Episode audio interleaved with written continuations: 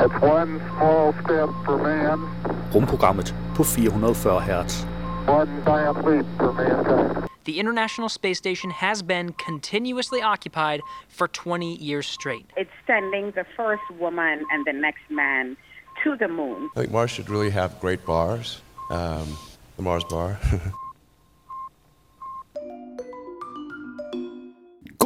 rigtig hjertelig dag, dag. Mit navn er Flemming Havkær Sørensen, og det her er Rumprogrammet. Ja, ingen god nation uden et rumprogram. Ingen god radiostation uden et rumprogram. Sådan er det. Vi øh, har sådan set en masse i dag. Det vi ikke har så meget af, det er podcast. Så øh, dem starter vi jo vanen tro med. Og det er hurtigt overstået. Der er øh, historiepodcasten, Katrine og Marias historiepodcast. Kan man flyve til månen i en stridsvogn? Ja. Kan man flyve til månen i en stridsvogn? Øhm, ja, det kommer an på, hvor mange gæs man har. Det lyder lidt og vanvittigt, ikke også? Lyt til den. Det bliver ikke bedre af det. Derudover så øh, skal vi også høre et klip fra Transformator. Kom med i månehabitat, isoleret i mørke og kulde. Og øh, det er Saga Space Architects øh, månehabitat. Og hvis du øh, kan huske så langt tilbage, så har vi faktisk haft en, en øh, Marso, hvor, øh, hvor jeg interviewede øh, Sebastian, netop omkring deres månehabitat. Så den tænker jeg, vi hører selvfølgelig podcastklippet under podcastsektionen, men så hen i slutningen af udsendelsen, så tænker jeg, at øh, vi skal lige høre, vi skal lige høre øh, den bid fra Marso, som, øh, som blev sendt en gang i ja, første halvdel af 2021, tror jeg det var. Nå, men øh, vi har faktisk lige en enkelt podcast mere, vi skal øh, høre en bid fra. Nemlig Radionauterne, som jo egentlig er for det yngre publikum. Hvordan bygger man en rumraket? Og det er ikke en step-by-step guide til, hvordan du bygger din egen rumraket, men det er faktisk et overordnet blik på, hvordan det gør os. Men det er jo ikke det eneste, jeg har. Nej, for jeg har også nyheder med, og jeg har faktisk relativt mange af dem. Chinese space cleaner spotted grabbing and throwing away old satellites. Der er også her. SpaceX Starship will reach orbit this year on road to Mars, Elon Musk says. Og vi har også en månedens nyhed. Fremtidens solceller kan være printet og ultra tynde. Hvilket jo absolut er en fordel, hvis man skal rejse langt og har et øh, begrænset, øh, en- en begrænset øh, vægt og, og plads, man kan gøre brug af. Vi har også her FAA pushes back review of SpaceX Starship to March 28. Hvad har vi mere? Rumrejserne har signifikante ændringer i hjernen, viser nyt studie. Og astronauts in Europe ask for their own independent crew spacecraft. Hvilket faktisk giver god mening, fordi at europæiske astronauter de er ret afhængige af enten at blive sendt op med russiske eller amerikanske øh, raketter, og altså et eller andet sted er det måske også lidt dumt, at, at ESA ikke har sin egen mulighed for at sende mennesker i rummet. Hvad har vi så? Europe's space chief says cooperation that Russia will continue, but experts aren't so sure. Og øh, lige med hensyn til, det var jo den sidste nyhed, lige med hensyn til øh, samarbejdet mellem Europa og Rusland, samt USA og Rusland på rumfartsområdet, er jo en lille smule udfordret i øjeblikket, som du nok øh, har regnet ud. Og øh, ja, det er en situation, der der faktisk udvikler sig i ja, frem og tilbage og i mange retninger og gør det hele tiden. Så vi kan være næsten fuldstændig sikre på, at når du hører det her, så er den her nyhed forældet alligevel. Jeg har dog valgt at tage den med, fordi det virker som den, den mest langtidsholdbare. øhm, og ja, det kan godt være, at jeg så risikerer at tage fejl i, i den formodning. Ja, og som sagt, så slutter vi øh, af med, at vi skal høre, øh, at vi skal høre mit gamle interview med Sebastian fra øh, Saga Space Architects, og det er jo selvfølgelig anledningen af øh, Transformators podcast, som vi skal høre klip fra her om kort tid. Lad os se på nogle af månedens interessante rumpodcasts. Vi skal høre en bid fra Ingeniørens Transformator podcast. To unge arkitekter alene sammen på 4,5 kvadratmeter, 1000 km nord for Polarcirklen. 30 graders kulde udenfor med hård vind og total mørke det meste af tiden. Eneste lyd er computerens summen og boblerne i algegeneratoren. Så kan 61 døgn godt gå hen og blive lange, medmindre man indbygger en kunstig solopgang. Vi stod op med sollys med en solopgang. Nogle gange var det en farverig solopgang, andre gange var det en, en tør solopgang, en kedelig solopgang. Og så var der dagslys, forskellige temperaturer af dagslys. Og så var der solnedgang og skumring, og så mørke. Øhm, og det gjorde, at vi fik en naturlig døgnrytme. For det første gjorde det også, at vi levede synkront, at vi gik i seng cirka samtidig og stod op cirka samtidig. Og hvis vi ikke havde den, den, den ligesom noget at sigte efter øh, i vores døgnrytme, så kan man meget hurtigt køre skævt af hinanden. Vi har i denne uges Transformator besøgt Lunar-projektet. Vi skal se på, hvordan man bygger et månehus, og hvordan det er at skulle bo isoleret i et ekstremt koldt og goldt miljø. Det var en bid fra Ingeniørens Transformator podcast. Du kan finde et link i show notes. I denne uge er der en ny udgave af Katrine og Marias historiepodcast. Og når vi snakker om måneræs, så mm. tænker man jo ofte på den kolde krig. Der er kosmonauter, der er astronauter, der er Apollo-missioner. Men nej, nej, vi skal tale om et helt andet rumkapløb. Vi skal nemlig tale om en mand ved navn John Wilkins, som i 1640'erne simpelthen planlagde en ekspedition til månen. Og det var jo altså mere end, end 300 år før øh, amerikanerne sendte en øh, rumraket afsted, og øh, Neil Armstrong og Buzz Aldrin og ham den tredje, som ingen nogensinde kan huske, hvad hedder, men ham, der tog billedet, jeg kan ikke huske, hvem det er. Det ultimative 3. juli historie. det er virkelig, ingen ved, hvad man er. Øh, men de gik på månen, og det her, det er jo så 300 år før, så, så det, er jo, det er jo noget, der går, det er ret vildt. Vi har en mand i middel, sådan en sen renaissance, skal vi sige det renaissancen. Ja. En renaissancemand, der kigger på månen og tænker, ja, tak. Og det er jo fedt, at han får lagt en plan for, hvordan det skulle lade sig gøre. Og selvfølgelig har folk før John Wilkins jo kigget på månen og tænkt, den kunne jeg godt tænke mig at træde på. Men det gør jeg hver gang, jeg ser på månen. Det gør du det på alle himmellemmer, faktisk. jeg vil træde på alle himmellemmer. Men Wilkins er den første rigtige skriftlige kilde, vi har, der beskæftiger sig med de praktiske aspekter af en månerejse. Så i det her afsnit, der vil vi tale om, hvad planen gik ud på, og hvorfor den aldrig blev til noget. Øh, hendes, fordi der ikke er nok gæst, man kan tæmme til det. Det var et lille klip fra Katrine og Marias historiepodcast. Du kan finde et link i show notes.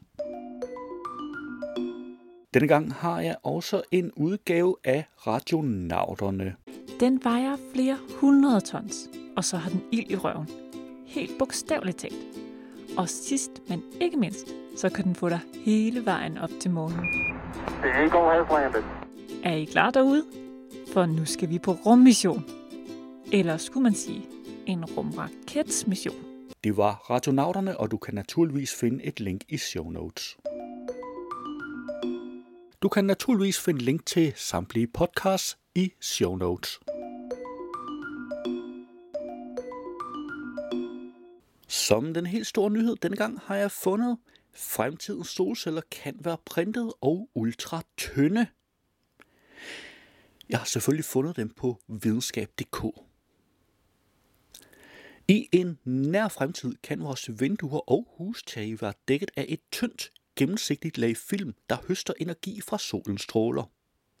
Solcellerne vil være produceret på en form for printer, nærmest ligesom en avis trykkes, og er så fleksible, at de kan sættes på vinduer, krumme bygninger eller biler for den sags skyld. De organiske solceller, som denne teknologi kaldes, er inde i en rivende udvikling og begynder efterhånden at nærme sig effektiviteten på de mere traditionelle solceller, der er baseret på silicium. Særligt i de seneste par år er de organiske solceller accelereret i ydeevne, og i laboratoriet er det muligt at lave en lille solcelle, der kan forvandle 18% af solens stråler til energi. Et tal, som man nu arbejder på at opnå på større solcellearealer. Fordelen ved organiske solceller er til at få øje på. De er nemlig både billigere og langt mindre energikrævende at producere, beretter SDU-professor Morten Madsen, som er en af de førende forskere på området. For 10 år siden var den generelle interesse for organiske solceller mindre, selvom den var til stede i forskningsmiljøerne. Dengang slog vi også på tromme for, at det var en grønnere teknologi end siliciumsolceller, men vi blev hele tiden udkonkurreret af, at ydeevnen var for lav. Det argument er blevet sværere at komme frem med, fordi organiske solceller nu har vist, at de kan hæve ydeevnen væsentligt. Du har sikkert set de traditionelle siliciumsolceller, som skyder op på hustage og i landskabet for at fortrænge kul og gas. Det er en vigtig del af omstillingen, men til videnskab.dk har forskere tidligere kritiseret, at nogle af solcellerne stadig indeholder små mængder af bly i loddematerialet og er svære at genanvende 100%. Det er blandt andet de udfordringer, som forskerne i SDU vil arbejde sig udenom. Med organiske solceller undgår vi helt tunge metaller og giftige materialer i det hele taget. Samtidig er materialeforbruget meget mindre, og når vi udvikler moduler, kan vi med de underlag, som solcellerne ligger på, anvende bioplast eller andre genanvendelige materialer, siger Morten Masser, der er professor MSO og forskningsleder på Mads Clausen Institut på Syddansk Universitet. Hvis vi alene i Danmark skal op og få 10-15% af vores strøm fra solceller frem mod 2050, som nogle forskere i Ingeniøren peger på, at vi skal, så bliver vi nødt til at sikre, at bæredygtighed og genanvendelse gennemsyrer de solceller, vi udvikler, mener Morten Madsen. Netop her scorer de organiske solceller højt. Selve solcellerne er opbygget af kulstof, der er et naturligt materiale, og produktionen af organiske solceller foregår ved temperaturer på maks 100 grader, fortæller Morten Madsen. Artiklen er faktisk meget længere end det, men øh, klik på linket i show notes. Lad os se på nogle af månedens nyheder. På videnskab.dk har jeg fundet Rumrejsende har signifikante ændringer i hjernen, viser nyt studie. Har man været en tur i rummet, er der risiko for, at perioden væk fra jorden har påvirket hjernen. Forskere har således undersøgt 12 astronauter og fundet bevis for det, de beskriver som signifikante mikrostrukturelle ændringer i den del af hjernen, der styrer kommunikationen i selve hjernen og ud til resten af kroppen. Det skriver Science Alert på baggrund af et nyt studie, der er blevet publiceret i tidsskriftet Frontiers in Neural Circuits. På dw.com har jeg fundet Chinese space cleaner spotted grabbing and throwing away old satellite. Something out of a Star Wars movie occurred in Earth's orbit last month. A Chinese satellite was spotted in late January, grabbing another long dead satellite and days later throwing it into a graveyard orbit 300 kilometers away, where objects are less likely to hit spacecraft. The Chinese SJ 21 satellite was seen on January 22nd, changing its usual place in the sky to approach decommissioned satellite Compass G2. A few days later, SJ21 attached to G2, or altering its orbit. På space.com har jeg fundet SpaceX Starship will reach orbit this year on road to Mars, Elon Musk says. SpaceX will hit a big milestone this year on its road to Mars if all goes according to plan. The company is developing a giant rocket known as Starship to help make Mars colonization and a variety of other ambitious exploration feats possible. Starship prototypes have taken just a handful of low altitude hops off Earth's surface to date, but the vehicle is on target to earn its orbit wings in the relatively near future, SpaceX founder and CEO Elon Musk said. I feel at this point highly confident that we'll get to orbit this year, Musk said on Thursday night, that was February 10th, doing a live stream Starship update from Starbase, Star SpaceX facility in South Texas near the Gulf Coast hamlet of Boca Chica Village. På space.com har jeg fundet FAA pushes back review of SpaceX Starship to March 28. The first orbital launch of SpaceX Starship Mars rocket has been pushed back by at least another month. SpaceX aims to launch that milestone test mission shortly after the U.S. Federal Aviation Administration FAA wraps up an environmental assessment of Starbase, the South Texas site where the company builds, tests, and launches Starship vehicles. And on February 14th, the agency announced that the final report has been delayed again, this time to March 28, to allow yet more time for comment, review, and interagency consultation. På Ars Technica har jeg fundet Astronauts in Europe ask for their own independent crew spacecraft. European astronauts have been flying into space since 1978 when a Czechoslovakian astronaut, Vladimir Remek, climbed aboard a Soyuz spacecraft and traveled to the Sa- Salyut 6 space station for a week. Over the next four decades, dozens of European astronauts would fly on vehicles operated by Russia and the United States to various space stations. Most recently, French and German astronauts have launched to the International Space Station aboard SpaceX Crew Dragon vehicle. They had no complaints, but as a new manifesto makes clear, European astronauts would like to have their own independent means of reaching the International Space Station. På space.com har jeg fundet Europe's space chief says cooperation with Russia will continue, but experts aren't so sure. Business with Russia continues as usual amid the escalating situation in Ukraine, the European Space Agency's chief said on Friday, February 25th.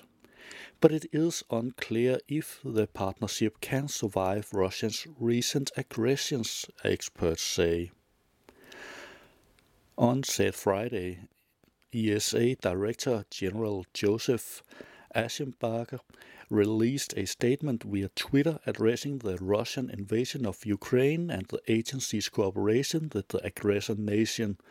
In the statement, he said that while the agency is closely monitoring what's happening in Ukraine, all of its partnerships with Russia continues as planned for now. Du kan naturligvis finde link til alle nyhederne i show notes. Let's have a talk with Sebastian from Saga Space Architects. Um, yeah, so uh, so yeah, so I come from uh, Saga Space Architects, and we are focused on on on architecture in outer space. And we, we started working very conceptually and with with architecture and, and habitat for, for Mars. We actually started very early on with uh, with uh, whole colonies for Mars. Um, we soon then realized that the entire space industry was working towards uh, putting humans back to the moon uh, as a stepping stone to going back to Mars or, or to reaching Mars. So so it's um, and and upon realizing that we, we changed our focus as well to kind of follow where the industry was, and then then we started designing habitats for for, for the moon. Um, and in designing habitats for the moon, we we realized that we needed to take our our work a step further than than, than conceptual uh, architecture and uh, we wanted to to to under to get practical knowledge of of what architecture, what type of architecture would work best on the moon.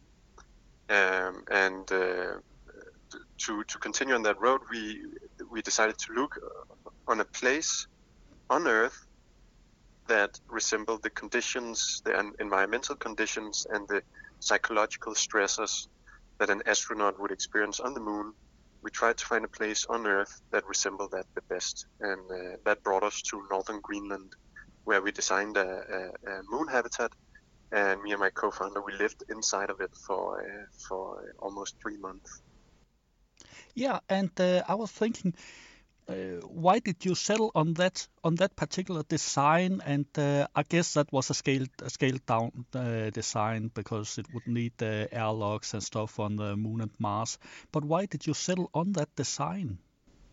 Yeah, so so actually the habitat that, that we designed for, for, for northern Greenland uh, was is, is designed exactly like we would expect it to work on the moon. So similarly to, to, to having a, an airlock on the moon, we had an airlock in the habitat in Greenland. Um, and coincidentally, there's there's some, some good benefits of having an airlock in Greenland as well. Uh, even though there's no vacuum outside, it's very cold outside, and by having an airlock, we, we wouldn't leave, we wouldn't uh, we wouldn't uh, uh, uh, we wouldn't lose all our heat uh, to the exterior whenever we open the habitat. So so it it, it also served a purpose there. Um, but the but but the shape and size of the habitat, you know, if if you design something for the moon, you're limited by the size of the rocket. Uh, and there's really two ways to go about it. Either you bring the tools uh, to to use the resources on the moon to build with, or you bring the architecture and the habitat inside the rocket and transport it all the way up there and that's the that's the two kind of ways to build. And we decided that we were looking at at a near future moon habitat, which means that since uh, in situ resource utilization, which is NASA's fancy word of, of saying that you use the, the local resources, as that technology isn't really mature enough yet, uh, we decided to go with an with with a with a habitat that would fit inside a rocket. And uh, yeah, and a rocket is not that big, and if you think about the well-being of astronauts, one of the biggest challenges is private, private uh, space uh, and privacy. Um, so we knew that we needed to make a structure that would unfold after landing, and that's why we we we we made the habitat as an unfolding origami shell. Okay, and uh, I guess that's uh, the same reason why it's not a dome. I think uh, most commonly uh, when we talk about uh, space habitats, it's always domes. Uh, large cities in domes or small domes. It's always the dome shape. Uh, but I guess that's also the answer to why you didn't didn't go for the dome shape. this was yeah. was easier in the short term. Yeah, exactly. So, so, uh, so the, actually, the habitat is uh, the, the habitat is so the reason why people use domes is because it, it's a good pressure shape, right? You cannot have a square balloon, right? You cannot have something that, that, that maintains pressure that's square that has sharp sharp edges. That's that's that's uh, that's a, a, point of stress. So so so you have to to, to use some kind of a pressure shape, uh, and a dome is, is a good uh, a capsule or a dome is, is a good version of that.